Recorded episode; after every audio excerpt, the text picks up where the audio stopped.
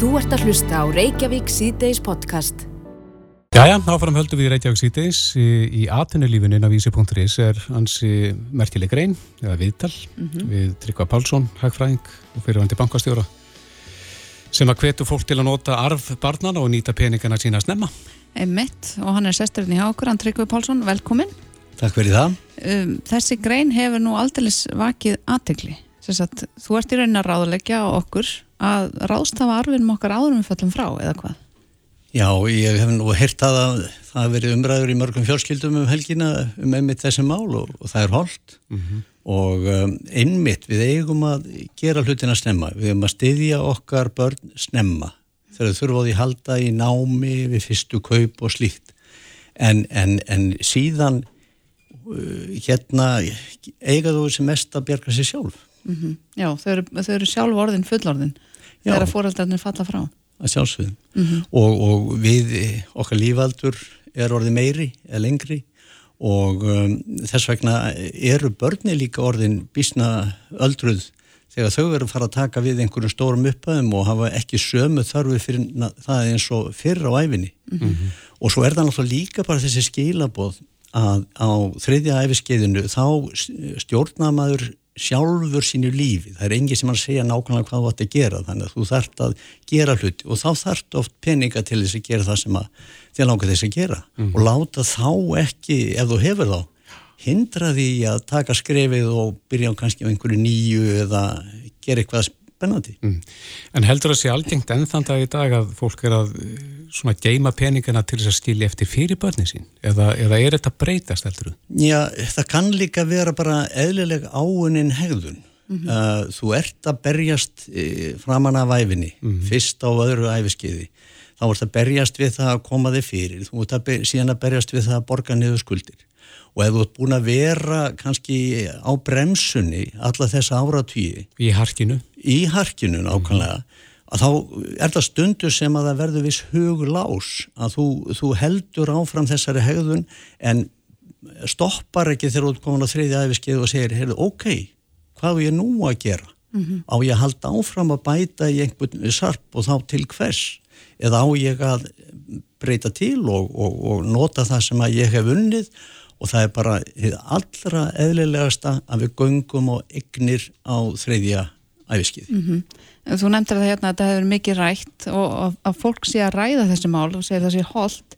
Þurfum við ekki að ræða þetta meira? Sko, að, að, hvernig við ráðstöfum uh, þessum endalokum uh, lífsins og hvað verður um eignirna okkar? Vissulega og það er það saman sem að læra að ræða um lífeyrissjósmálinn og lífeyrisrétt Sumir eru að vakna upp kannski fimm ára máður að fara á eftirlaun og, og, og byrja þá að hugsa um sin rétt og hvað þú standa. Uh, með erðamálin að, að þá er líka sko, uh, þessi vandamál sem geta komið upp í fjölskyldum í sambandi var. Það er oft erfileikar þegar fjölskyldur er að ganga frá dánabúin til dæmis. Mm -hmm. og, og það er með því að bæða minka náttúrulega dánabúið og, og líka með því að, að, að svona fyrirfram greiða arf sem er mjög bara opin leið mm -hmm. að mhm. þá bara gengur frá erðafjárskíslu og þú e, erfir þína erfingja að, eða einhverju og þá er þetta vissan átt líka að vennja fólk við jöfnskipti í fjölskyldum og, mm -hmm. og síður lendir í því að það verða háværadeilur og kannski fjölskyldu órói í tengslum við arf Alltaf þessi ekki algengar en marga grunar að það slitni eppil upp úr verið vinslit í fjölskyldum út af erðamálum? Jú og oft út af kannski einhverju sem er ekki kannski stormál en, en er kannski tilfinningamál mikill mm -hmm. og þá eh, byrjar í fjölskyldum oft eh, umræðan en, en þið fengu nú alltaf meira en ég mm -hmm. og ég átti nú að fá þessa mynd og svo framvegs mm -hmm. þessu umræða sem er rosalega erfið mm -hmm. En er, er, er þá kannski ágættis svona æfing, þú talar um hérna fyrirfram greita arfin um, fyrir fóraldra kannski bara að spyrja bönni sin, værið þú til að fá þetta þegar ég fell frá? Eða, eða hvernig er best að koma að þessu, ég veit að þetta er svolítið viðkvæmt fyrir marga. Það er viðkvæmt en, en sko, ef maður tekur út frá persónleiri reynslu og Eh, varðandi sko mína foreldra og við erum fimm eh, sískinni eða vorum það og þá hérna þegar þau skiptum starfsvettvang eða þegar þau uh, hérna minkuðu við sig á efri árum sko, þá þurftu þau ekki að halda á allu sínu búið og þá var farið í þetta, þá vildu þau bara fyrir sann greifa það hluta og, og láta hluta af sínu sko innbúi Mm -hmm. eh, og nú er það reyndar alltaf sagt í dag sko að unga fólki er svona engan áhuga á því sem að eldri kynnslóðin hefur sapnað saman Nei. en, en við, þá fórum við í þetta það var gengið bara frá, er það hjá skýslu varðandi sko upphæðir en varðandi hlutina þá var tekið nokkuð málverk og, og bara ákveðna aðferðin notaði sem voru sangjarnar mm -hmm. og, og, og það hjálpaði okkur til þess að taka á þessu því að að þegar náttúrulega kemur að andláti og erðfjárskiptum að þá eru náttúrulega tilfinningarnar enn viðkvæmari að því að fólk, það er misserinn sem kemur inn í mm -hmm. og upprýfin og allir í æfin og allt þetta þannig að, að, að það er um að gera líka hugsa til þess snemma að hjálpa sínum eh, afkomundum en maður vil gera það mm -hmm. og, og, og fara þá í fyrirhengreitan arm með einhverjum hætti Svo eins og segir að fólk er jafnvel að minka við sig og eh, eignast á einhverjar pening hérna á milli Uh, svo er fólk hressara núna, langt ára með þetta aldrei og ég vil ferðast meira núna heldur en áður að sjálfsögðu og, og til dæmis þegar fólk er komið á þetta æfiskið þá hefur það kannski dreymt um einhverja stóra reysu mm -hmm. og, og, og þá er bara að lefa sér það og þá segja sumir sko ég er náttúrulega alltaf átt mína eitt skuldlausa til dæmis mm -hmm. En, en, en það breytir yngu og það er ekkert mála að fá lán út á hluta til dæmis fastegn uh, og nýta það ef þetta er draumurinn sem að, maður vill láta rætast áður en maður uh, rekkur upp af. Mm -hmm. Varandi uh, fyrirfram grötan arf, um, þarf fólk að fá einhvern óhagan aðilagi svoleiðis verkefni eða er hægt að leysa þetta bara innan fjölskyldunar? Það er alveg hægt að leysa þetta, þetta er einfalt mál, maður hefur samband, það er eðurblæði hjá skattinum og, og, og fyllir það út og, og skila því en, en ég veit að lögfræðistofur líka eru aðstóði í svona mál mm -hmm. Þannig að það er ímislegt hægt. En þetta er tiltúlega einfalt, ég menna það er þannig að eðvöfni fyrirgætana þá áttu að borga 10% erðarfjórskattinn uh, og uh, það er ákveðna reglur um hvernig hlunir eru verðmetnir. Mm -hmm. En bara kannski að undirstryka það að fólk allavega byrja að skipleggja og tala saman.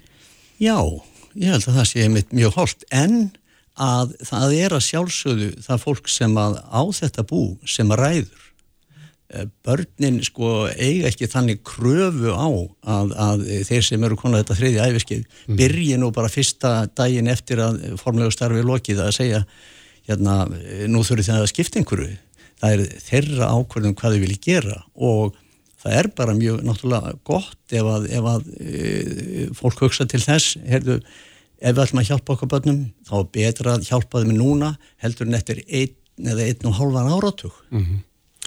Já og verið ekki að bjóða upp á það að það verið ríðist um þetta? Nákvæmlega. eftir mannsdag Nákvæmlega. Og það er náttúrulega hlut af arleið ef maður getur skilið við fjölskylduna þannig að hún sé samhælt það er geysileg vermaði í því. Mm -hmm. Og ég býst nú líka við því að flest börn vilji sjá fóreldri sem hafa mikið sama á efri árum. Já, já. Og það er nú verið reyndir hjá mér þannig að, að var þetta okkur hérna hjónin að, að það eru börnir sem hafa verið að segja, hérna notið endilega þetta fyrir. Já, ætlaði þessi breytt viðhorf hjá fólki í dag, við hefur hvernig það var? Já, ég held það, ég til dæmis maður það nú eftir eh, hérna afa mínur sem að hafði alltaf reynslaði hvernig hlutinu var í Breitlandi, það var útgerðamæður og þekkti til hvernig það var þar og í dánatilkynningu þar þá uh, var í Breitlandi oft sagt sko að hvað dánabúið var upp á mikið. Já. og það þýtti það að, að, að sko vist fólk sem var kannski svona málsmiðandi mm -hmm. var að leggja kapp í það að eiga sem mest þegar það skildi við til að því að það væri svo flott. Komast á topplistan. Já Ég held að þetta sé lungu tött í Breitlandi og hér. Þannig að þetta hefur stáð snert á stoltin? Já, og, og, sumi náttúrulega, það er líka við þurfum átt okkur á því að, að það er ekki bara stolti heldur uh, öryggiskend. Uh, Mart eldra fólk uh, finnur að, að, að sko, það þarf fjárhastlegt öryggi og það er bara grundvallar atriði. Mm -hmm. Að mínu mat er þetta þrent, sko, það er hilsan, kannski nummer eitt, nummer tvö, tengslanetti bæði fjárskildum aðra, nummið þrjú er fjárhastlegt öryggi og, og, og sömur átta sig ekki bara nægilega á sko, hvað þartu mikið til þess að lifa vel -hmm. og átta sig heldur ekki á tímanum að meðan þú hefur hreyfi getuna þá átt að nota sem mest Einmitt. gera það sem mest þegar þú ert komin að, í þá stöðu að þú ert kannski komin inn á uh, dvalarheimili eða eitthvað slíkt getur ekki ferðast eða liftir ímsa hluti, ekki farað og keftir eitt sexhjól eða eitthvað svoleiðis. Mm -hmm. að, að hérna átt að segja á því að þú þart e, ákveðin pening og, og e, hérna ert að fá vænalega einhverja mánategjur og svo þart eitthvað umfram eitthvað öryggisnett en, en, en þörfin mingar þegar þú ert orðin kannski mun eldri og helsanum farin að bila mm -hmm. og þess vegna er það líka rétt að hugsa snemma um þessa hluti og gera hlutina snemma, lifa í núinu mm -hmm. Þessi frétt byrtist inn á aðunulífin inn á vísi í gær, hefur þið fengið viðbröð? Mjög mikil Já. mjög mikil og, og hérna Þannig að þetta reyfir við fólki? Þetta reyfir við fólki og, og um, Það kann líka vera sem hafa fundist af því að þetta nú er sett upp svona með þessum hressum hætti uh, í fyrirsögninni að, að fólki hafa fundist að það sé kannski eitthvað svona feimnismál og stundum er það ekki bara að tala um hluti eins og erðamál mm -hmm. uh, og, og á milli kynnslóða. Þú tala kannski ekki við börnin þínum erðamál en, en, en að gera hlutina vel. Ég hef til dæmis gert það og það er opið að hjá okkur að því að við eigum ímsa hluti sem við höfum ert sem eru ættargripir mm -hmm. að, að ég hef búin að lista sjálfsögðu upp uh, þessa hluti skrifa sögu, ættarsögu þessara hluta uh, og meiri sé að í, í þeim tilvíkum það sem er eitthvað mikið munur á verðið eitthvað svo leiðis og, og þetta er bara skráð sem líka fyrir og börnum mín uh, vita af henni og eigana Jáhá, einmitt það Já, við mælum uh, með þessari grein inn á átunlífinu og sjálfsögðu viðtalsklipunni sem kemur nú vísa á bylgjuna eftir öskuma stund. En uh, Tryggvi Pálsson, hagfræðingur og fyrirvændi bankastjóri, takk hjá lefum spjalli. Sumulegis, takk. Þú ert að hlusta á Reykjavík C-Days podcast. Já, ég er Reykjavík C-Days klukkan hálf fimm og nú hefur uh, stísla ríkisendurskoðanar vegna bankasölunar verið byrt Jú, það hefur verið beð eftir þessari skíslu síðan síðasta sömar þá mm -hmm. náttu uppræðanlega að koma í hendur þingmanna og og almennings. Einmitt. En hún byrjaði á því að leka Já. til fjölmiðla. Og nú er spurt á ýmsum stöðum hver ber ábyrða þessum leka. Já. Þau eru komin til okkar til að ræða skýsluna. Guðrún Hafstinsdóttir, formadur efnaðs og viðstéttanemnda þingsins og Björn Levi Gunnarsson, þingmaður Pírata. Velkomin. Takk fyrir. Takk fyrir. Uh, hafið þið einhverja hugmyndum hver lag þessari skýslu? Enga hugmynd ekki hugmynd, mér þykir þetta bara alveg óskaplega dapulegt því að ég lifin eftir því að manni eru færð gögn í trúnaði og þá eru þau í trúnaði. Og hérna og það var lögð á það mikil áhersla því að stjórnskipun og eftirlismenn nefnd myndi funda klukka fjögur sem fundurinn var að hefjast því að það myndi gerast eftir lokun marka. Þannig að það var tekið mjög meðvitið ákvörðinu það að, að þarna ætti trúnar að vera alveg 100% til að, að tryggja það að þetta myndi ekki valda rót og mörguðum Mm -hmm. Þannig að þetta er mjög daburt. Mm -hmm. En Björn Levi, þú ert búin að lús lesa skýsluna, eða hvað? Jú, jú, ég hérna náðu að klóra mér í gegnum hana og hérna harða hlupum. Og hvað stendur upp úr svona þínu mati? Ég þetta eins og hefur verið komið fram að þá er þetta bara mjög góð skýsla og fer yfir öll þau atriði sem að svona ríkisendurskúðun nær utanum í, í, með, út frá sínu hlutverki og það er bara brotalega meira á hverju einasta stígi málsins hverju einu og einasta og það eru ábendingar e, í skýrslunni um hvaða atriði ríkisendurskoðun skoðar ekki og það eru bara engar líkur á því að, að þar, þar séu heldur engar brótalamir mm -hmm. og, og þá komast við bara einfallega að þeirri niðurstuðu að það, það hlít, við hljótum að þurfa að skoða þá þætti líka og það eru með sérstaklega þætti sem að koma að störfum ráþæra. Mm -hmm. Er eitthvað nýtt í þessari skýrslu sem hefur ekki komið fram áður? Hversu rosalega liðlegt fólk er í Excel? Þessi er kannski að nýjasta. En hérna, nei þetta var við byggumst í rauninni við öllum þessum niðurstöðum. Mm -hmm. það kemur okkur rauninni lítið á óvart í þessari skýrslu. Eh, nema bara að það sé staðfestinga á því sem okkur grunaði. En það var bara viðvanningsháttur frá aðtilöða En það byrtist hérna viðtala á vísi fyrir stuttu uh, í dag. Uh, Bjarni Bendisson fjármála ernaðsáður að segir að hann sjá ekki neina alveglega ábendingar að ásanganur um lögbrót í skýslunni kannski henn en að lesa einhver aðra skýslu ég, ég, ég veit það ekki Þannig að sér þú þessar alvarlegu ábendingar eða ásakanir? Ég þær eru bara út um allt í skýslunni bara textalit skilar þeim alveg ágætlega mm -hmm. Guðrún e, alvarlega brotalamir eða stormur í vasklæsi? Uh, ég held að mér finnst uh, ég ætla nú bara að taka það fram og, og vera heiðalega með það að ég er ekki búin að lúslesa þessa skýslu ég var eina af þeim sem fekk hana komst ekki hann í gær og fekk hana aðfenda fyrir háttegi og ég var á fundi velferðanemnd og er búin að vera á fundum í dag þannig að ég tala hér með þeim fyrirvara bara mm. svo það sé sagt en uh, mikið af því sem að ég er að tala út frá er það sem að ég hef líka lesið bara fréttamilum í dag og, og samkvæmt þeim og, og að hafa alveg hlaup og hundavaði yfir svona helstu efnisættir í skýrsluna áður en ég kom hingað að þá get ég ekki séð að þetta sé annað en nokkuð endutekki efni frá því vor og uh, það er ekkert nýtt aðna að ég tel. Uh, hún vakti auðvitað uh, mikið umtal þessi sala þegar að að farið í hana í, í, í vor en ég vil nú bara minna á það að Eh, ríkisendurskóðun kemst að þeirri niðurstöðu í þessari skýslu að salan hafi verið ríkisjóði hagfæld. Það segir okkur að það hafi tekist að, að hámarka e, e, verðmætin sem að, að almenningur eða ríkið átti inn í Íslandsbanka. E, ég hef sagt, ég sagði það í vor að salan hefði gengið vel en á henni hefði verið annmarkar.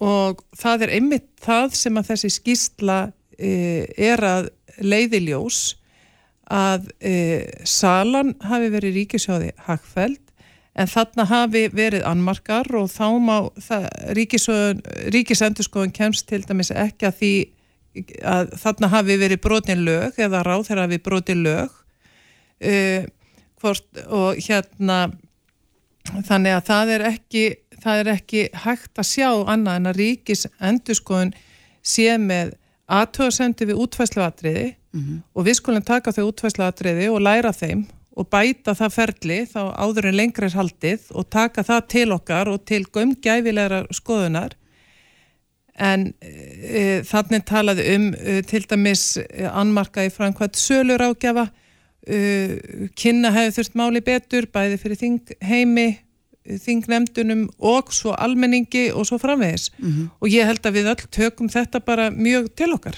Hvað segir þú Björnlefi? Þú reistir hausin hérna þegar við varum að tala um uh, að þessi sala væri hagfælt fyrir Ríkisjó? Já, það tventi þessu sem kom hérna fram að í fyrsta lega þá tekur Ríkisendurskoðan mjög skýrt fram að það fellur utan hlutversk Ríkisendurskoðan að taka afstöðu til ágræningsefni um laga tólkun. Þannig að það er ekki hægt að koma með þá vörn að Ríkisendurskoðan segi að það hef engin lög verið brotin það, það er ríkisendurskoðun e, það er ekki hennar hlutverk að, að sinna því þess vegna báðum við um uh, rannsóknarskíslu og rannsóknarnemnd sem að kafara mynd betur ofan í uh, þauðatriði þannig að það er nokkuð nákvæmlega kemur ekkert og óvart að ríkisendurskoðun fullir ekkert um uh, lögbrot til eða frá mm -hmm. það er mhm. bara mjög, mjög eðlilegt með við, við þar aðstæður svo er það mjög skýrt einmitt í skíslunni að, að sem sagt gögnin sem að voru nótuð til þessa grundvalla þetta verð upp á 117 krónur á, á hlut þau voru gölluð það voru bara þessi Excel mistök þarna inn, inn í, uh, í töflunni sem að þegar að voru leiðrétt uh, gáfu allt aðra mynd á tilbúðunum sem voru til staðar mm -hmm. og þegar maður ber það saman að þá myndi maður áætla að, að uh, svipuð, svipað yfirbóð á, á hérna, hlutum eins og voru þarna að þá ætti verðið að vera nær 120 krónum á hlut. Og það er 1,5 miljardur það er ekkert, er smáraði þó að sé smáraði í, í sam, sam, sko, samanbörði við, við fyrstu söluna þar sem að, að uh, sá hlutur var seldur á svona 25-7 miljardum undir því verðið sem hægt, er að fá en þá er það alveg fullkomlega ljóst að uh, fjármálar á þeirra fjekk ekki góðar upplýsingar til þess að byggja sína ákvarðandu gá og fjármálar á þeirra ætti að vera brjálaður yfir því mm. en er það einhverja hluta vegna ekki og ég skil ekki af hverju uh, en það er einmitt í minnisbladi, þessu raukstutta minnisbladi rík, bankasíslunar til fjármálaráð þeirra sem að ríkisendurskóðan segir einmitt að það, í því sé engin raukstunningur þá erum við talað um að, að tilbúðin séu frá svona 150 til 200 tilbúðskjöfum og ég veit ekki hvers konar ráð þeirra segir bara já, hörruðu 150-200, það er frábært, ég kvitt upp á það. Bara, að, að hann staldri ekki við og segir fyrirgjöðu, þetta er ekki nógu gott. Mm -hmm. þetta er ekki rauk til þess að ég geti byggt á ákverðun sem varða ráð þeirra ábyrð að taka. Þannig að þér finnst ábyrðin liggja engungu hjá eh, fjármálaráður? Ekki engungu, þetta er öllu, öllu ferlinu Bankasísland ber tvímálarist ábyrð, sölu ráðgjáfinir og þeir sem framkvæmda söluna ber að tvímálarist líka ábyrð, en ráð þeirra ber líka ábyrð. Það er mm. sérstaklega tekið fram í lögum um sölu og eignarlutum uh, ríkisins í fjármála fyrirtækjum að það er ráð þeirra sem tekur ákverðununa og því fylgja ákveðnar skildur. Guðrún, hvað segir þú? Hvar, hvar likur ábyrðin? Já, ég er nú bara ekki sammála alveg byrni lefi félagaminnum í því að sko ríkis endurskoðan var einmitt ætlað að leggja sérstátt mat á það hvort að salan hefði samrýst lögum og góðum stjórnsýslaháttum og af skýstluna dæma verður ekki annað sé en að ríkis endur sko en telji að svo sé. Það er allavega alveg ótvirætt hvað varðar aðkomi fjármál og efnaðsráð þeirra að hérna uh, fjármálaráð þeirrar fyrir núna og líka uh, fjármálaráð þeirra sem var á undabjarnar bindisinni að það var ákveðið að stopna til bankasýtlu ríkisins til þess að halda armslengt frá fjármálaráðurum við sölu og, og, og egna hluti ríkisins í fjármálafyrirtækjum. Og uh, það var kvartaði við því í vor af stjórnarnanstöðinni að fjármálaráðura hefði einhvern veginn haft með þetta ferli að gera og svo var næsta dag var kvartaður því að hann hefði ekki verið að skipta sér eða handvelja e, kaupendur og svo framvegist þannig að það var e, gefið í og úr hvað þetta var þar ég held að þessi skýrsla síni einmitt ótvirægt eins og ég nefndi á þann að það er ekki hægt að finna neina annmarka sem varðar ráðherra en þarna eru annmarkar eins og ég saði sem varða uh, söluður ágjafana ég, sem að hver byr ábyrð þá, þá? Þeir verða að gera það sjálfur og það, það er bara til skoðunu hjá fjármáleftilitinu og Sælabanka Íslands. Og ef að þar hafa lögveri brotin að þá verður bara það fólk sem að, að á hlutamáli að bera ábyrð á því. Það er alveg kristaltært og við höfum all, all, alltaf sagt alveg frá byrjun. Ef að þarna hafa eitthvað brot, eh, lögveri brotin eða reglur að þá verður fólk bara að sæta ábyrð sem að það gerði Mm -hmm. Mér langar bara eins að skjóta þetta inn í og það er með skýslinu að opna að það stendur hér á, á fyrsta blæsu að, að ríkits endurskoðun uh, leggur ekki mat á hvort vinnubröð umsjónaraðilega söluferðlisins, söluraðgjaf eða söluaðilega hafi verið í samræmi við gildandi lögureglur. Þannig að því letunum til þá tekur... Nei, það er fjármál eftir liti. Nei, nei, þetta er, er og... ríkits endurskoðun stendur þarna. Já, ég segi. Já, mm -hmm. já. Bara svo það komið fram. Fyrstu við verum að ræða uh, hvaða stendur í þessari skýslu og og til hversi tekin afstæð mm. mm. En Björnlefi, hvað, hvað svo? Hvað gerist nú? Já, nú stendur það alveg bara mjög skýrt í gíslinni hvaða svona atriði eru, eru útundan og svo er náttúrulega að taka til eitt eh, taka skoða sem lagalögu hlutana í því sem að Ríkisendskoðun ber ábyrða á en, en þeir hluta sem standa út af eru tvímálulegst atriði sem þarf að skoða og það Hver er... Hver á að skoða það? Það er tó, tólið til þess samkvæmt bara lögum er, er rannsóknar nefnd það er ekkert flóknar að það Hverjum? Er hvert á leiðin að liggja híðan í frá? Nú, mér finnst nú, við byrjum nú að ræða það hér upp að við e, leka og þessari skýslu hefði verið leki og það er trúnaðabröstur e, Málið, það er auðvitað erfitt, það er erfitt fyrir okkur Björn Levi að vera tjá okkur hér um skýslu sem á eftir að fara í gegnum eðlilega uh, meðferð þingsins. Eðlilega meðferð þingsins er það að þessi skýrsla þátt að taka hana fyrir í stjórnsýslu uh, og eftirlistnefn þingsins núna klukkan fjögur. Þau sitja og eru að því og síðan munu við ræða það á morgun, allan daginn á morgun ger ég ráð fyrir í þinginu uh, efni skýrslunar, þá verð ég sannarlega búin að lesa hana frá aðtilögu mm -hmm. Við munum auðvitað það munu allir held ég taka til sín, þessi skýrsla er velunnin, hún hefur tekið mun lengri tíma heldur en allir gerir áfyrir og allir voru að vona mm -hmm. og það munu allir taka efni hennar bara til sín það munu allir taka eins og ég sagði þá annmarka sem þarna eru nefndir og, og getur við gert betur áður í lengri haldið. Ég vil samt bara fá að minna á það að e, Íslenska ríkið fekk aðfenda 95% hluti í Íslandsbanka árið 2016 án endugjalds. Án endugjalds. Nú þegar er ríkið búið að fá fyrir þennan hlut og á ennþá stóra hlut í bankunum en það er búið að fá inn í ríkiskassan 108 miljardar.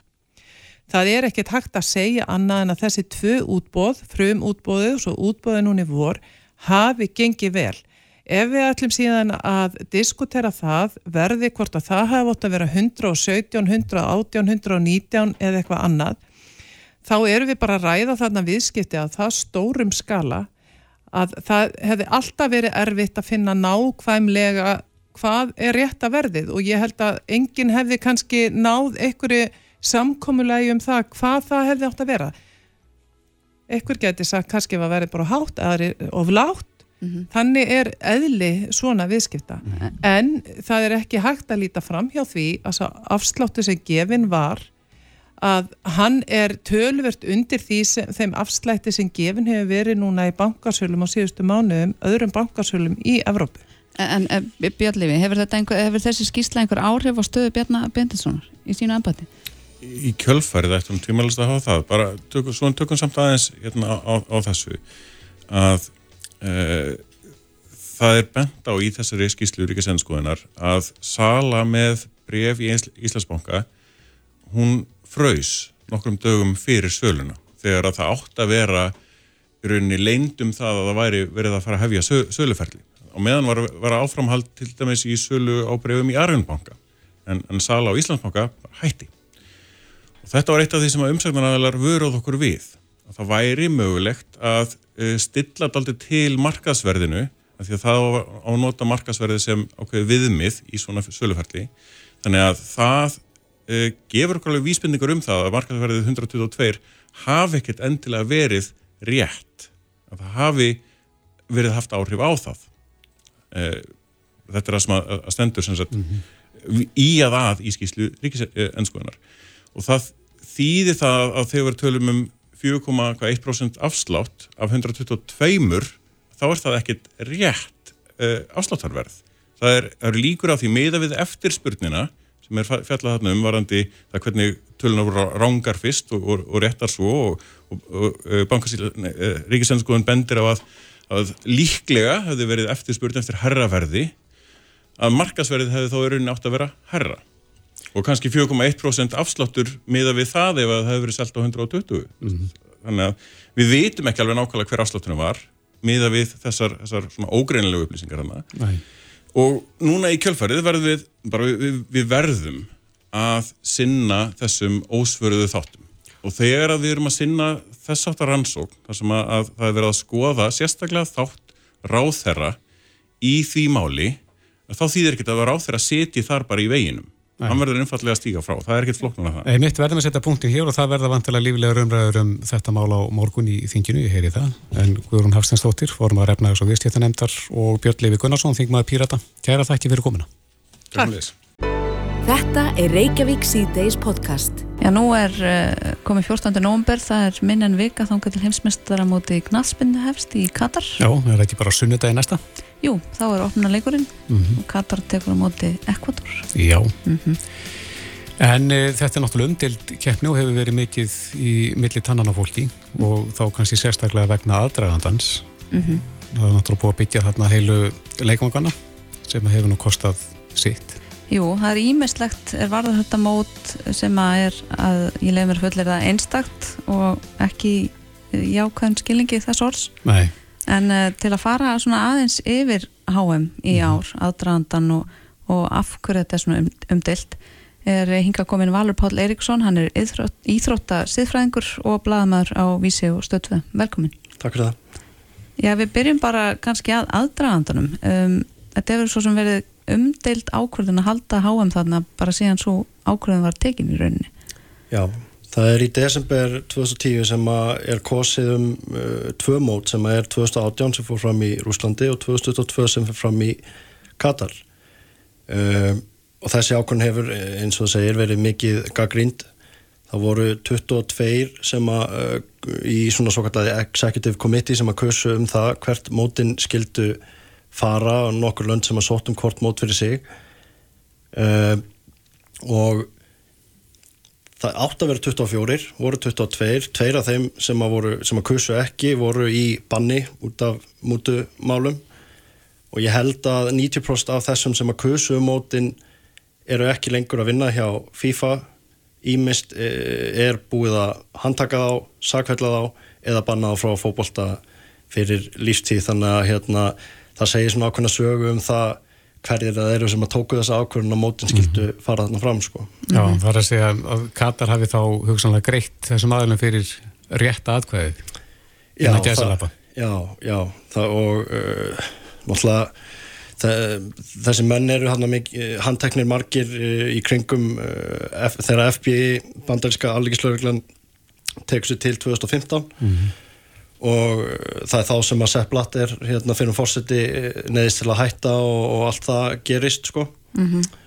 og uh, Ég, ég veldi svolítið fyrir mér út að nú er komin heimildarmynd um FIFA skandalinn á Netflix það sem er svo smetta klokk að sjá nákvæmlega hvað gerist þarna.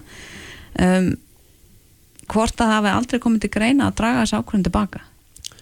Það er nefnilega sem að er svo merkilegt sko eins og ég segi þetta er ég minna alveg örglega, þetta var 2014 eða 2015 sem að handtökunar eru og allt það og menn fara svona að sjá, heyrði á þetta eru aðeinslega sem að kursu að senda á mótið þarna sko, mm -hmm. að, að ekki sé þá hægt að fara dýbra í það þegar allir þessi menn eru að hrökla svo starfi út af alls konar hlutum og óðurlegum hlutum sko, að það sé þá ekki hægt að, að skoða það að hérna eða bara kjósa upp á nýtt sko mm -hmm. Uh, en þá náttúrulega held ég að FIFA myndi bjóð upp á alveg rosalega hérna lögsókn þegar því að strax 2010 svona lítið landi svo Katar er strax byrjað að undirbúa og setja rosalegt fjármagn í það að byggja mótið upp uh, og þá var greinilega svo ákveðin tekin að leifa þessu bara að standa þrátt fyrir allt sko mm -hmm. En hvað eru margir verkefni sem hafa látið lífið þarna við undirbúni kemninar? Eru menn með tölu yfir það? Uh, Guardian uh, gerði vegamikla rannsókn 2020 þá var talan 6500 Já. og það er fyrir tveimur ánum síðan mm -hmm.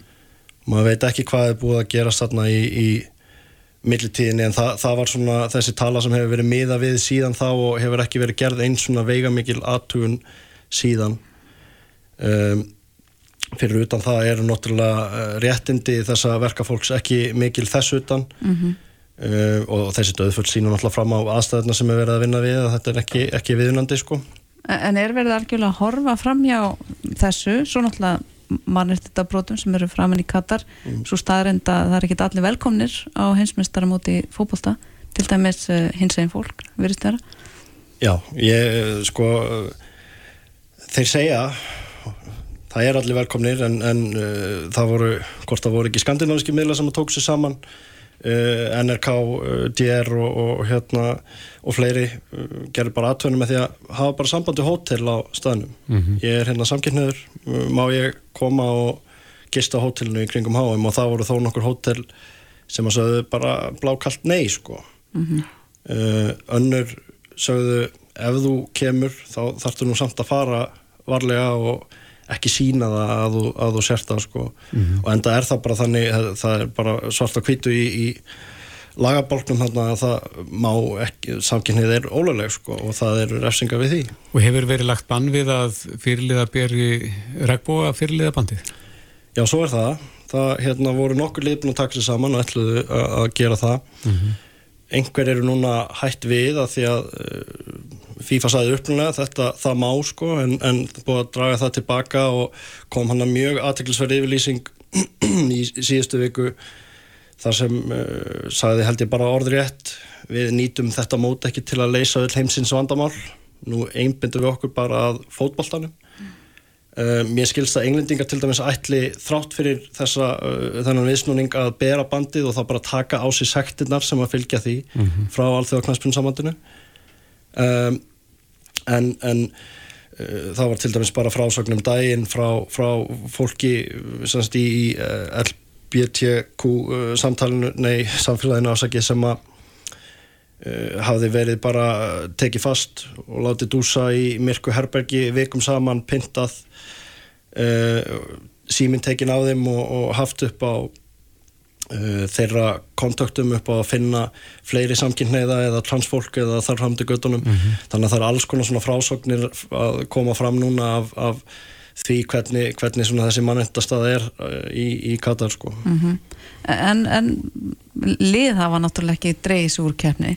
Þráttur er að þetta eh, sé nú að valda ímiskonar vandræðum þegar maður lítur yfir fótballtadatalið eins og er svona á hefðbundin ári Já, dagatalið er svo náttúrulega annað, annað uh, dæmi að, að hérna, það, það, allir leikmenn fá stittra sumafrí núna, það þarf að byrja allt fyrr. Uh, það voru aldrei verið að stuttur tími eins og það voru leiki núna bara um helgina í, í deildunum. Þeir byrja strax næstu helgi, yfirleitt hafa verið þrjá fjóra vikur eftir að tíðanbyrg klárast áður en að kemur að HM uh, þetta eigur gríðalega álag á, á leikmenn þannig að það er annar, annar kapituli í þessu eins og segir það var engin lönd uh, dreigið sér tilbaka þrátt fyrir, þrátt fyrir allt sem, sem á undan gengið og, og uh, hérna og það verður áhugavert að sjá hvernig eða hvort þau nýta sinn uh, svona um, plattform sem þau fá á þessu móti. Uh, FIFA náttúrulega búið að gefa til kynna núna þegar það er búið að banna þessi rekvarbund eins og ég segi og, og að hérna en hvort að þau um, beiti sér á einhverjum hætti sko. Hverju er Katar að reyna að áorka með því að halda mótið? Hver, hver er svona, hver, hvert á að vera loka takmarkið með mótinu? Þetta er mjög góð spurning. Þetta er náttúrulega sko að kalla þetta dýrasta heimsmeistra mót sögunar er, er nánast of lítið af því að þetta er lang, langdýrasta heimsmeistra mót sögunar. Það þarf að byggja upp heilu borginna nánast og þorpin hvað þá alla vellina og allt það sko. Um, en það sem, það sem þetta svona uh, út frá, út frá fræðunum er mikið talað um það sem að heitir mjúktvald eða soft power. Að, uh, og íþróttunar hafa í auknum mæli verið nýttar í þeim tilgangi af uh, með Östurlandaríkjum við sjáum uh, Manchester City á Englandi sem er í eigu uh, rík, uh, eða styrt, semst ríkisjós hérna samin eða arbísku fyrstadamina við sjáum uh, Paris Saint-Germain í Fraklandi sem er í eigu Katar og við sjáum núna nýlegasta dæmi Newcastle United frá Englandi sem að Sátar keiftu og uh, með þessu er í rauninni verið að uh, samvefja ríkið með einhverju jákvæðu fyrirbæri með jákvæðu brandi. Þannig að þú, þú getur sagt baðaði í dýrðaljóma þessa liðs eða eitthvað svo leiðis það sem þetta gerir líka er að, að Katar verður miðja alheimsins í einn mánuð, öll augun verða þar. Stærsti íþróttaviðbur í heimi kannski fyrir utan olimpíuleikana og að auki eru þarna að koma formenn, knastminnsambanda uh, forsetar uh, kongar eða hver, hvers konar fyrir fólk allstaðar að. Og, og þá getur þú opnað á samtal við, við þau og, og sama með, með þegar þú ert að kaupa sér félagslið og svoleiðis er að þú myndar tengsl við uh, fyrirtæki uh, samtök eða hvaðina af til þess að komast betur inn í uh, ev evróska samfélagið og evróska markasvæði Um, við getum eiginlega ekki sleftir að þess að spyrja hvaða lið eða land er sigurstranglegast á HM Þetta er þetta ekki alltaf svona usual suspects, þetta eru uh, Brasilia, Frakland eru ríkjandi meistarar þjóðið eru allir miklum uh, vonbreiðum á síðasta móti og, og koma tvíöldi til leiks uh, Já, þetta eru svona þessi fyrstu þrjú sem kom upp í, upp í hugan sko. mm -hmm. einmitt það Hvar verður mótið næst? Það er í bandaríkunum Kanada og Mexiko Já, uh, það verður tölvert meiri verður tölvert meiri ferðalög á, á áhangendum þar að þurfa að fara yfir heilu áluna Já. hérna, en aðeins jákvæðar ímynd kannski. já, ég efast ekki um það Valur Páll Eiríksson, íþróttasteyðfræðingur og blaðamára vísi stöðtu á bylgjunni. Kæra þakki fyrir að lítin hjá okkur. miklu fremur, takk Þetta er Reykjavík C-Days podcast. Jæja, Reykjavík síðdeis fylgir ykkur í umferðinni heim eða annars en uh, klukkan vantar 25 mínútur í 6. Einmitt, og talandum að koma heim, það eru örugglega margir á leiðinni heim og inn á heimilum getur nú verið ímislegt sem veldur svo kallari rafmengun bara Heldur vond, betur. vond fyrir hilsun Einmitt. Við rákumst á viðtal uh, við Valdimar Gísla Valdimarsson, Ramags uh, yðnfræðing og skólastjóra uh, á sjónvastöðinni Ringbrödd. Já, það sem hann talaði mynd um rafmengun og Valdimar er á línunni, góðan að blessa hann daginn Já, góðan daginn. Þú er svolítið sláandi viðtal við þig, Valdimar það er ímislegt á heimilinu sem að getur valdið þessari mengun en eh, hvað nákvæmlega, Hva, hvað þurfum að varast? Já, já var þetta svolítið sláandi? Já. Já. ok. Eh, Ég held ég í alla hlutina sem þú taldir upp Já, við erum byrjuð því aðeins ekki á því að, að það sem ég er að tala um rafsegulum engun eða rafsegulgeislum að það má ekki þar að setja þetta í sama flokk og, og, og geislum, svona jónandi geislum eins og frá, frá gíslaðurkum úrgangin eins og leys. Mm Við erum að tala um ójónandi geislum og, uh, og það sem ég er að horfa á í gegn tíðina, sko, þetta er langtíma áhrif af geislum. Mhm. Og uh, þetta byrjaði nú sko ekki 1979 þegar að verkefni lípar uh, hérna hjóminn uh, sem þetta gerði faraldsræði rannsóknum um mögulega áhrif afsöðulsið til myndina kvítblæðs í börnum. Mhm. Það byrjaði þessi bolti að rúla og, og síðan hafa komið fram margar rannsóknir og, og, og, kvítblæði þá, þá hafa þeir ekki verið neitt mjög sterkar og, og það er virki, virkilega áhugja en það er ekki sagt, komið þann út að þetta sé endilega eitthvað sem þurfa að vera að setja fókus á en uh, það er einhvert annað og, og, og til dæmis rannsóknir sem býna uh, rafsíðulsið hafa áhrif á virkni lífja og uh, það er rannsókn sem var endur tekið til þessu, það er endur tekið sjö sinnum sem hafði hamlandi áhrif á virkni krabbanslifja, lífs sem er hér tamoxin, tamoxifen eða nolvadex á sínum tíma. Og var sannað að, að rafsegurbylgjur höfðu áhrif á virkni þeirra lifja? Já, í tilhjóðnaglassi. Já. Já, í já. Þetta var því sko að, að, ég, það, það fyrir um mig sko þegar ég, ég las þessa rannsók fyrst þá var búið að endur takana þriðarsinnum og þá þáttum, þáttum býstna sterk en, en þegar, sjöundu endur tekningin kom fram sko með sama sem er liðstöðu þá, fyrir einhvern veginn um, ok, sko Íslandin er ekki búin að sanna hvernig þetta gerist eða af hverju en eitt slíkt en, en, en, en mér finnst svona bara ástæði til þess að hafa varan á. Mm en, en, og þegar kemur að svona tækjum sem að geysla mikið eins og he á heimilum uh, eins og til dæmis sum hilsurum, það er ekki nærri öll þau eru sum, þeir geta verið býstna sterk alveg um, geysla styrkur í, í Tesla. Þetta eru er svona 1,2 til 1,5 Tesla sem að sum rúm sem ég hef reykist á bara ekki mörg en þeirra mm, svona ramagsrúm sem er mikið auðlist Já, þessi svo hvernig hilsurum mm svona er svolítið kaltæmi í þessu nafni en, en, en vissulega er þetta hilsum þetta er, sko, þetta er frábær tæki til þess að hjálpa fólki að, að sofa og, og líða betur í rúmi en, en þarna eh, svo, svo verkileg sem það er sko, þá er sundins að rúma með, með talsvægt mikið rafsegulsvið sem þetta alla nótt Mm. án þess að það sé byrjins verið að færa þau til eða neitt slíkt. En segðu mér eitt að því að nú er, eh, veit ég að það eru til eh, ráð til þess að jarðtengja mann á meðan maður sefur. Það eru til svona jarðtengtur lög til dæmis. Jú, jú. Myndi það hjálpa til að, að sofa jarðtengtur á jarðtengtur laki til dæmis? Minkar það geislunin eða áhrif á líkamann? Ekki neitt, það er engin áhrif. Nei. Það er engin áhrif. Það eina sem hefur áhrif í þessu, til, í þessu sambandi, sko, það er þetta rúmið sambandi. mm. En, er þetta ekkert er þetta ekkert mælt þurfa tækið einhver sérstaka vottun þegar kemur að þessum efnum Jó, sko, almennt eh, þegar að tala um vottun, kakvar gíslum, uh, að þá er, eh, þá er sem sagt þau viðmjöðuna mörg sem miða er við í heiminn svo almennt svo miklu, miklu herri. Þannig að það er ekki einu svona að skoða þetta kakvart þeim, Nei. Þeim uh, skilmálum, sko. Þetta er, um, og, og, og, og það er allar þessar rannsóknir sem þetta virkni, eh, Molvadex eða eða, eða þessar rannsóknir sem gerðar í bandaríkjum sínu tíma sem að síndu aukna tíðin í fósturláta hjá konur sem að svá þetta ramas hitateppi eða, eða í, í ramas hituð rúmi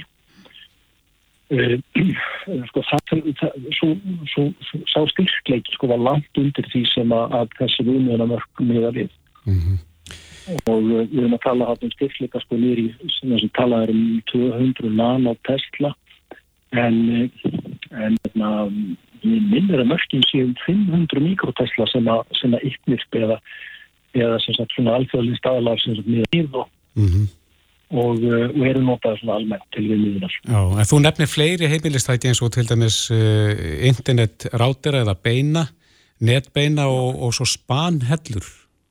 Jú, jú, jú, jú. Það sem ég hef nú, sem sagt, uh, sko rátirarnir þeir geta verið að gera frá sér uh, talsvert, sem sagt, svona, um, svona kannski í svona tekjum þetta ratil frá rátir, sko, þar sé svona nokkuð safe zone, það er svona nokkuð örd að vera, sko, en, en að mera með, meðan mikið næ, sé svona, ávísum á, eitthvað hálskalegt, sko, en, en þetta snýst þá bara um það að það hefur verið að dröfla svefn, þetta er, þetta er ekki, þetta er ekki alvarlegt, sko. Nei, en hefur áhrif á svefnin? Hefur það verið mælt? mögulega, mögulega áhrifastum. Það var ansi margir sagt þetta. Uh, Það er hérna enga rannsóknir sem bengið sem að styðja þetta nema, nema svona örfá á svona, svona smá rannsóknir það eru ekki að að maður getur tristin alveg 100%. En, en maður ætti samt ekki að hafa rátir eða beini uh, þar sem maður sefur. Nei. Nei. En spanhellunar, Jú, sem eru nú orðaransi aldingar víða. jú.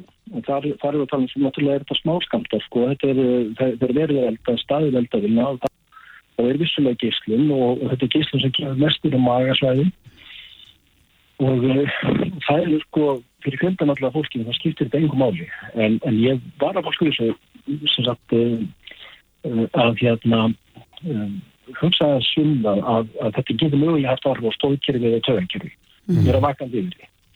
Og- Þannig að fólk er mis viðkvæmt fyrir þessu geislum. mjög mjög mísaflega vikant mjög mísaflega En, Skemmtu fólk, það er fólk sem hefur sko bara rafmaks ófólks það er bara fólið bara enga gíslum að ráði sko. og bara alveg fáranlega lítið en, en erum við þá orðin of sko tengd, ég meina það er svo ábáslega mikið af tækjum inn á heimilum sem eru rámastengd og eintalega að gefa frá sér einhverja geisla. Jú. En, en það er mjög lýsand og, og, og það er svona þessi, þessi póstar sem að ég hef svona ekki veðinni í gegnum tíðina sem að er það sem er bara virkilega sterk svið og, og það er, það er hefðuborðið svona einna einna gasta Já, og, og svo ástæði til þess að vera makandi yfir því en, en þú veist eins og ég segir sko, það er ekki bráða hægt að það er inn sko, það er Nei, ekki svo nei. En eh, ég veit að það er eflust einhverju þarna úti sem er núna að velta fyrir sér að því að rafbílar eru orðnir alls ábyrjandi á göttunum. Þegar að fólk er með eh, rafluðuna bara undir sér, undir bílnum þverum og endilangum, He- hefur það áhrif, veistu það? Er geislum frá rafbílum? Já, já. Og í fyrsta lagi það er batteri í rafbílum og, uh, og það gefur frá sig jafnströmm. Uh, síðan fer uh, þessi strömmur inn á svokallar inverter sem að breytir uh, jafnströmm í strömm og það verður talsett mikil til viðströmmskíslinn inn í bílum. En það er líka inn í bensinbílum, það er líka inn í dísilbílum. Mm. Hún er heldur meiri í ramaspílu, það sem ég hef séð og, og það eru mjög sterkar poplar sem var mjög sterkur síði uh, ég hef mælt bíl sko það sem að það sem minn mælið bara fór í óvelmund og hérna já, það sem að styrkunum fór langt yfir það sem hann reyði við. Mhm.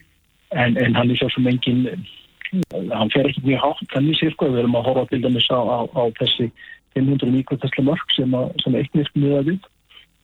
En, en nótel sem að spyr sig að því sko hefur þetta áhrif? Og, og, og hversu lengi verður að keira og hvað, hvað, er, hvað, er, hvað er sem sagt, hvað er maður útsættu fyrir að skipta lengi á dag. Mm En uh, höfum við svolítið sopna á verðinum, þurfum við að rannsaka þetta meina? Mm, Það þarf að rannsaka þetta, já. Ég er alveg samfórið þetta. Það þarf að skoða þetta betur. ég, ég, ég hef hýnt fólk sem að, að sem sagt, og, það, og það er með til sko, til dæmis eftir enn þátt. Það hýndi eldri kona sem sagði mig það að hún hefði eh, í fyrsta skipti heilt það, eitthvað talið það og það væri hægt að vera viðkvæmlega fyrir hann og hún sagði að það er búin að tala um þetta í 15 ár að, að hún bara ætti mjög erfitt með að vera nála tölum og sem er búin að sem að, sem að væri eitthvað gefum þá og, og þú veist, hún var alveg fyrir grítin þannig að fyrir hann var mikið léttir að heyra það að það veri mögulega fleiri þarna. Mhm.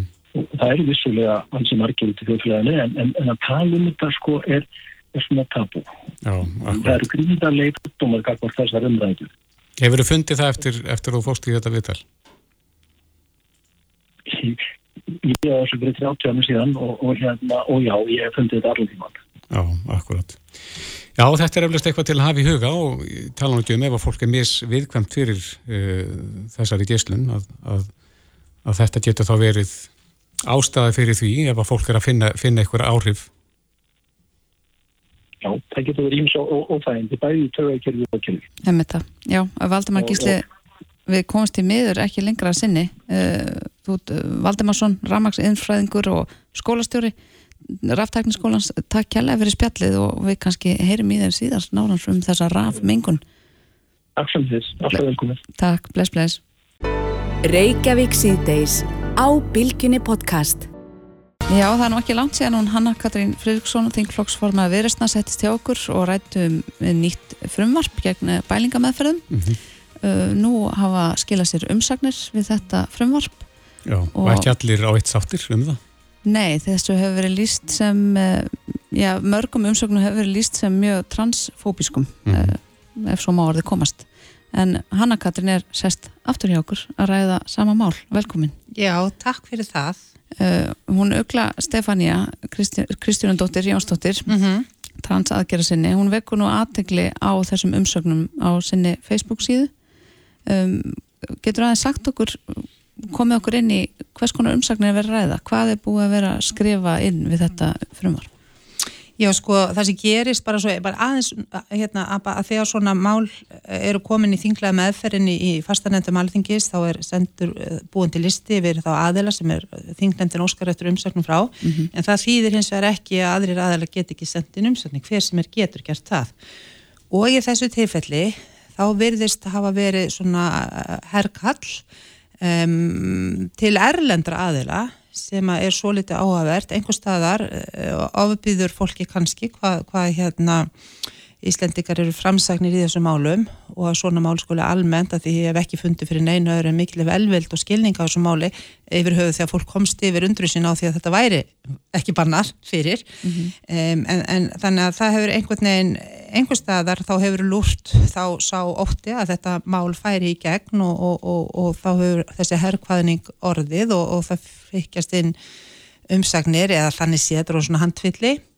erlendis frá uh, frá fólki eða aðilum og ég veit ekki hvort þetta eru raunverulegar stopnarnir að samtöka eða eitthvað upplógið um, sem hefur engin tengsl við, við Íslands samfélagan einu leita því virist vera en, en, en á þessir aðilar eiga það sæmilegt að að fara svona ekki leitt með, með e, fordóma sína e, hræðslu og, og, og, og jafnvel reynan yllvilja í gard transfólks um, og annars hins eginn fólks en, en í flestum tilfellum ég nú skanna þessar uminsakni þá lúta er sérstaklega að því að að uh, það er ekki að banna þess að meðfyrir þegar kemur að, að, að transfólki þó svo að það sé fordæmt þegar kemur að uh, öðru hins eginn fólki. Mm, en þú minnist á ræðslu, hvernig byrtist þessi ræðslu í þessum mín, mín skoðin er nú bara svo og reynsla svo sem að fordómar og svona þegar fólk við hefur svona gífur um, um annað fólk Um, þá byggja það bara ofta á einhvers konar hræðslu, hræðslu við breyta heimsmynd, hræðslu við eitthvað sem það þekkir ekki og þá er bara auðveldast að stökka frá hræðslunni yfir fordæmingu og óta og, og, og, og eitthvað slíkt sko. Þa, það, það er nú það en það, en það er, er það fræðsla og svona bara ákveðin samkend með, með, með uh, náunganum sem að vinnur best gegn því og svo bara þessi skilningur að, að hérna, ég held að við séum í grunninn flest saman um það að, að það samfélag sem okkur líður best í er sama samfélagi og öðru fólki líður vel í. Einmitt, en hvaða rauk eru hérna frá þessum hópum sem er að skrifa um frumvarpi og veita umsókn? Þau eru svona, svo, svo ég samin að kannski bara eina setning og ég veikjan alveg að hérna það er svolítið um skýslu sem taka tíma þingmanna þessa dagana mm -hmm. aðra skýslur, en eh, ég er nú ekki búin að lúslesa þessar umsagnir en, en svona bara svo ég sumir þetta upp í eina setningu þá, þá hérna það er óþarf að banna bælinga meðferð við transfólki að því transfólk er ekki til og þar með er ekki hægt að vera vondu við transfólk eða pinta það. Já. Það er bara að vera afneita tilvist transfólk. Eins og ég skil þetta, já.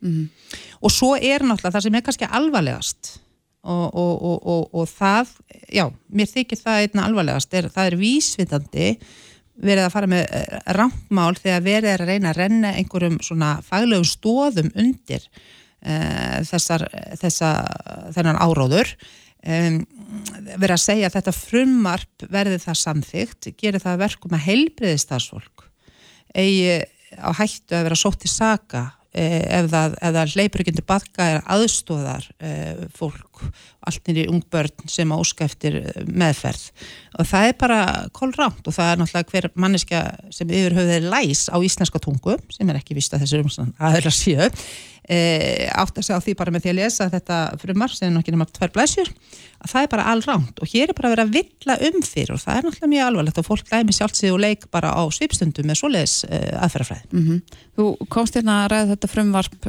síðast í tengslu við, umdelta kjenslumyndband Votta Jehova mm -hmm. sem tengist inn í þetta raunir bælingar aðferðir eða meðferð væri þá að byggja fólkum að afneita sinni kynvitund, kynneið þar fram til guttunum Já, já sagt, bælingar meðferð er einmitt svona kerfisbundin nálgun þar sem að beitt er allt frá líkamlu og ofbeldi, pyntingum hremlega yfir í það sem mun algengar er allavega nú á tímum svona andlega nöyðung, það er að segja að það er að hóta hóta, það verið að þvinga, það verið að íta og það verið að lofa einhverju, vist í himnaríkið helviti, út í það er farið, sagt, með svona kerfisbundinni nálgun og nýta sér einhvern hátt, vonda stöðu sem fólk er í, einhverja veikleika eða annars líkt. Mm -hmm. Þannig til dæmis aftur, svo ég kom að þessum með helbriðstafsfólki, að því mér er mjög mun að það sé leiðrætt, ég kann bara ekki við það, mér sé búið að brína, ég sé að vega einhverju fagfólki helbriðskerfinu og byrð fólk bara vinsanlega að hafa allavega hérna hugur ekki til þess að mótmæla þessu máli á, á þeim fórsöndus að raunverulega mótmæla því á, þar að segja fordómum. E, það er engin heilbríðstafsmaður, ekki læknar, ekki nokkur annar sem á það hættu að vera sóttu til saka þó þetta verða lögum fyrir það að veita ekki læknisvæðilega meðferð. E, það er ákveðin transteimi hér á landi sem og annar stað sem taka við fólki sem að byður um slíkt mm -hmm. og það þarf enga tilvísun frá heimilisleiknum eða öðrun leiknum þannig að, að læknar eru bara heilbíðstafsfólk ekki undir neittni mm. slíkri hættu það er bara af og frá Eru komnar margar umsagnir við frumvarpið? Það eru orðnar eitthvað á annan tögu, já og, og í hvaða átt eru þær? Uh, aftur uh, með við þennan þessar, þessar norsku, þessar mm. útlensku þær eru náttúrulega á einn veg síðan eru komið frá einhverjum hagsmenna aðlum hins eginn fólks Eh, sem eru jákvæðar og það eru síðan einhverju umstændi sem ég hef ekki lesið og það eru þá frá einhvers konar, það eru einhverju lögfræðingafélög, dómarafélög, það eru umbósmenn batna, ég, ég bara hef ekki náða að fara í gegnum þetta. Mm -hmm. e, mér þykir ekki ólíklegt að það séu jákvæðar en getur vel verið þar bendi á einhverja eins og ofti, bara einhverja annmarka sem þau telja vera á framsetningu og það séu óska eftir einhverjum tildýrunum ég bara þekki það ekki nægilega vel. Ég er bara ekki nægilega undirbúin hvað það varðar því miður ég verði bara að fá að koma aftur. Að næsta skref er að lesa allir umsakirnir og hugsa og þær eru, og þær eru öruglega ekki allar komnar inn. Það var, það var eitthvað að vera að tala um að eitthvað sem væri frekar á leðinni mm -hmm. Já, við fylgjumst þá bara áfram með þér. Hanna Katrín Fridriksson, þingflokksformar viðreistnar, takk kjærlega fyrir spjallin Takk svo með liðis Hlustaðu hvena sem er á Reykjavík C-Days podcast. Það er aldingt að fólk sem er tattoo. Já. Og ég held að færist í vöxt. Erst þú með tattoo? Ég er með eitt lítið tattoo No. En ég hef nú stundum hugsað um að fjarlæga það. Og akkur? Veit það ekki, það er bara svo margir með tattoo. Já, það er bara því, já. Þetta er ekkert svona persónlegur skaði. Nei. Eða svona, minnir það okkar leðilagt. Nei, ekkert svo leiðis. En ég hugsaði stundum, ef ég var að fá mér í fyrsta síft í dag, myndi ég fá mér. Mm. Ég er ekki alveg viss um það, en svo hugsaði stundum um, ætti ég kannski að fá mér almennlegt tattoo. Þannig að ég er svolítið flakka svolítið að milli. En við rákumst á auglýsingu það sem að auglýst er að það er hægt að fjarlæga tattoo mm -hmm. sem að fólk er ekki sátt við. Emmett. Og það er húðlæknastöðin sem auglýsir það. Já, og línun er Janna Huld Eistensdóttir, húðlæknir hjá húðlæknastöðinni. Góðan og blessaðan daginn. Já, góðan daginn. Uh, ég velti fyrir mér þegar ég sé auglýsingu sem er uh, snið, sniðin að þessum hópi sem vil láta fjarlæga tattoo, engöngu, hvort þetta sé mjög algengt að fólk leiti til ekkar í þessum tilgangi. Já, við erum með ansið stóra starfsemi uh, í einmitt þessu. Já, er, er, er það fjarlæga húflúr daglega? Eða? Já, á hverjum degi. Já, hvað er fólk aðalega að láta fjarlæga? Hvers konar tattu? Þetta er nú kannski frekar en meitt eitthvað svona benskudrygg mm -hmm. og, og fólk er kannski komið á hérna þrítis eða færtusaldurinn og, og vill ekki vera með þetta lengur. Var kannski flott og gaman þegar það var yngra og svo, en, svona kannski ekki lengur fyrir þetta.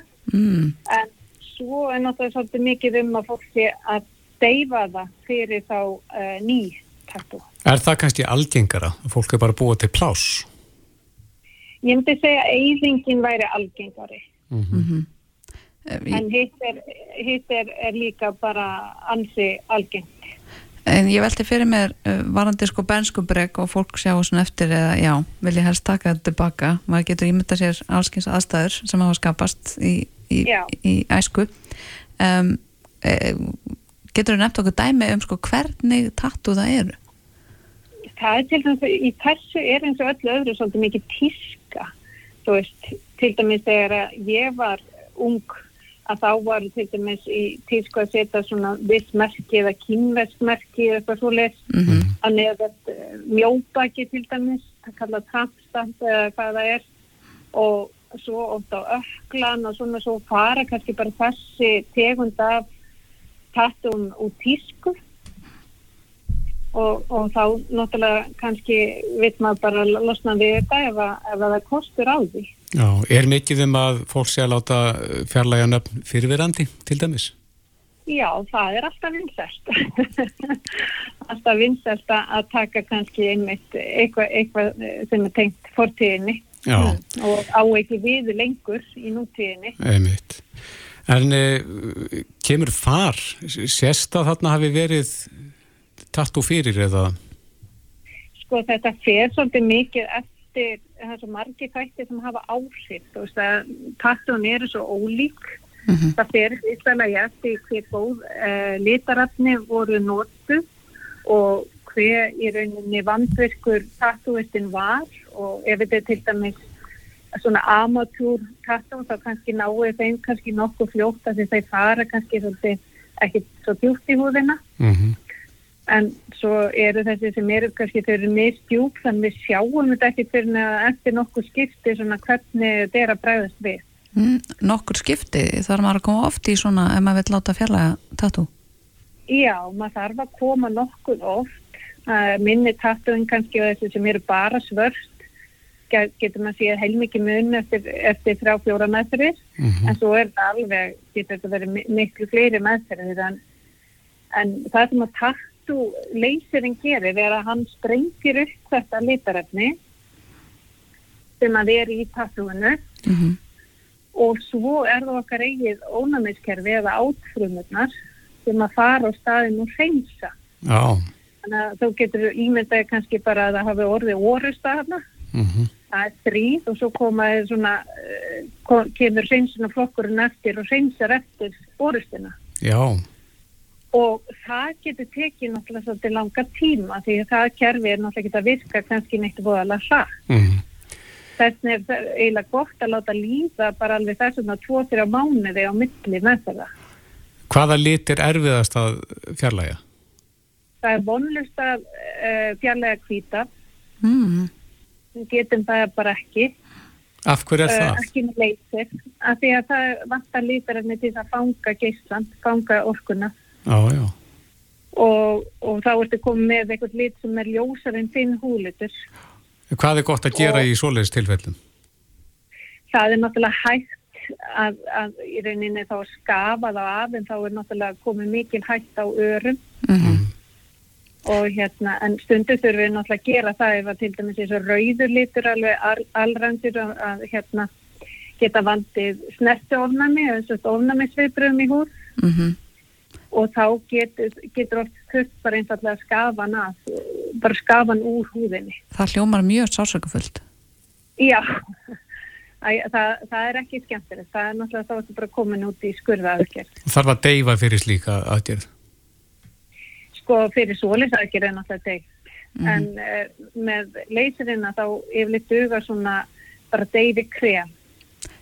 Sko það er ekkit sérstaklega þægilegt að fá sér tattu er, þetta bara, er það svipað uh, svipað sásöki að láta fjarlæga ef við gefum okkur það að ég sé það bara með svart tattu sem er frekar einfalt að fjarlæga? Þetta, er, þetta getur verið sásíkafullt, þetta er náttúrulega mikil orka sem Mhm. að fer niður á stundum tíma. Þessi nýjustu leysir þessi píkoleysir eins og við vinnum með og erum með eina þannig leysirinn á landinu að hann náttúrulega fer þúsund sinnum hraðar heldur en þessi gömlu nanoleysirar orðin húðina og það er töluverð orka Mm sem kemur niður á stundum tíma. En þú sagðir hérna í byrjun að þið varða að fjallaga tattu á hverjum degi. Er byðlisti í svona?